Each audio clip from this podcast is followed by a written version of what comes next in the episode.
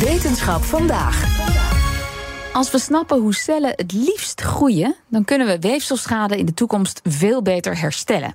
Onderzoekers in Delft hebben nu iets over de voorkeuren van cellen ontdekt, waar we hopelijk weer een stap verder mee komen. Wetenschapsredacteur Carlijn Meinders is bij ons. Hey Carlijn. Hoi. Nou, vertel, waar blijk, blijken die cellen van te houden? Ja, nou, we weten al wel iets over het feit dat cellen op hun omgeving reageren. Uh, veel onderzoek is gegaan naar de biologie en de chemie erachter. Maar ook uh, over ondergrond bijvoorbeeld weten we al aardig wat. Bijvoorbeeld dat de stijfheid of hardheid van materiaal waarop cellen mm -hmm. groeien uitmaakt. Maar zegt TU Delft hoogleraar Amir Zatpour, er is één gebied waar nog niet zoveel over bekend is. En dat is de invloed van geometrie. Geometrie, dus dan hebben we het over vormen. Ja, vormen inderdaad. En dan specifiek welk effect de kromming van een vorm, de kromming van het materiaal op de groei van cellen heeft. Ze lieten in petrischaaltjes in het lab botcellen groeien, omgeven door allemaal verschillende kleine vormpjes gemaakt van biomateriaal en zagen dat afhankelijk van de krommingen in de vormpjes de cellen de neiging hadden om op verschillende manieren te groeien. Oké, okay, klinkt al heel abstract, maar wat moet ik me voorstellen bij die vormpjes? Ja, die waren heel divers, maar eigenlijk zijn ze allemaal onder te verdelen in drie typen: een balvorm, een plat vlak of een zadel.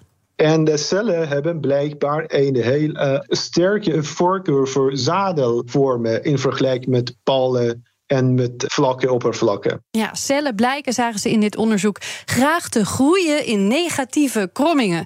Dat klinkt heel ingewikkeld, maar het valt mee. Die, die zadelvorm, stel je dan gewoon even een, uh, een western paardrijzadel voor. Ja. Die buigt naar beneden aan beide zijkanten. Dat is een positieve kromming, bol aan de bovenkant.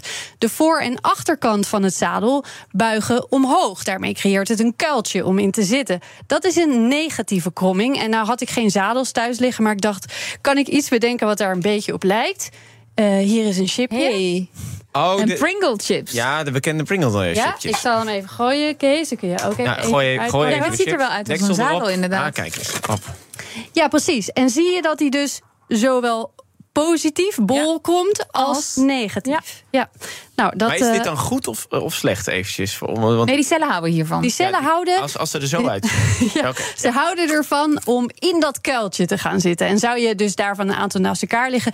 dan nestelen zich dus die cellen het liefst in die negatieve kromming. Een bal heeft dan weer twee positieve krommingen. Leg je daar een aantal van naast elkaar als een soort parelketting... dan houden ze daar een stuk minder van. En hetzelfde geldt voor plat.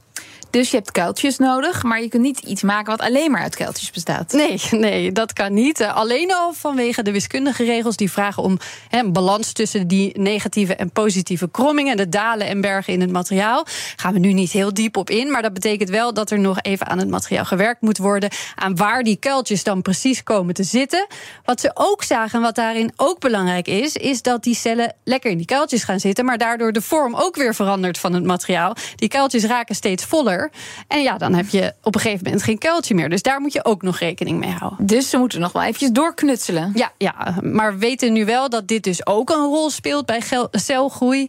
En dat kan weer gecombineerd worden met alles wat we al weten uit andere velden. Waar ze ook nog naar wilden kijken, is het begin van de mens. Ons allereerste vorm. Mm. Helemaal vanaf wanneer onze eerste cellen beginnen met delen. En dat begint natuurlijk met een eicel en een spermacel. Twee cellen. En dan verdubbelen ze naar 4, dan 8, naar 16, maar het blijft een balletje. En op een gegeven moment breekt de symmetrie af en worden verschillende asymmetrische vormen gevormd door allerlei uh, factoren die nog niet bekend zijn. En hij denkt dat geometrie daar ook wel eens een belangrijke rol bij zou kunnen wow. spelen. Dus eigenlijk, vroeg ik, zou je kunnen zeggen dat ze willen kijken waarom de mens en alle andere dieren niet als rond bolletje worden geboren? Ja, precies. En er gebeurt ergens iets. En als wij die aspecten goed begrijpen, denk ik dat wij ook op een latere moment goede weefsels kunnen regenereren. Dus waar de focus veel heeft gelegen hè, op chemie en biologie, als het aankomt op weefselherstel, hoe delen cellen, maar ook welke stofjes moeten er in materiaal zitten. Als het aankomt op dat biomateriaal, uh, wordt het goed geaccepteerd door het lichaam, lost het op tijd op. Wordt er nu ook steeds meer gekeken naar vorm en worden eigenlijk de spelregels van de wiskunde en de natuurkunde steeds meer meegenomen wat wij nu direct mee bezig zijn, is het ontwikkelen en ontwerpen van nieuwe biomaterialen die deze spelregels gebruiken om weefselregeneratie te versnellen en uh, te verbeteren. Ja, je, je zou zelf niet bedenken dat zoiets als geometrie hier nee. zo'n belangrijke rol bij speelt. Maar ze zijn dus eigenlijk gewoon nog steeds bezig met het optimaliseren van biomaterialen voor weefselherstel. Zodat wij in de toekomst, als we uh, onze botten of spieren of organen allerlei type weefsel beschadigd raken, we nog beter geholpen kunnen worden. Maar, maar ze, kan, kunnen dus misschien aan het einde hierdoor wel een medicijn ontwikkelen. Dat, dat jij, jij breekt je been, dat je niet zes weken in het gips, maar drie weken dan maar in het gips hoeft te zitten of zo. Ja, dus niet een medicijn. Uh, dat is eigenlijk juist het mooie. Ze zijn aan het kijken hoe ze met puur en alleen de vorm van een biomateriaal dat herstel kunnen stimuleren. Dus Misschien werkt het nog wel beter dan een medicijn, want daar heb je patenten op. dat moet ontwikkeld worden. Wat nou ja, moet je dan kijk, slikken dat je lichaam dat doet? Nee, het wordt geplaatst. Er wordt, wordt Oh, iets geplaatst in, in de omgeving waar die cellen moeten groeien. Ja. Dus misschien houden die cellen heel erg van Mondriaan. En dan Nou. zou dat een enorme boost kunnen geven. Ja, dan moet je een Mondriaan biomateriaal. Ja, ja, het zou zomaar Ja. kunnen, maar ze houden dus in ieder geval van kuiltjes. Dankjewel, Carlijn Je hebt je chips eh, trouwens weer. Zo.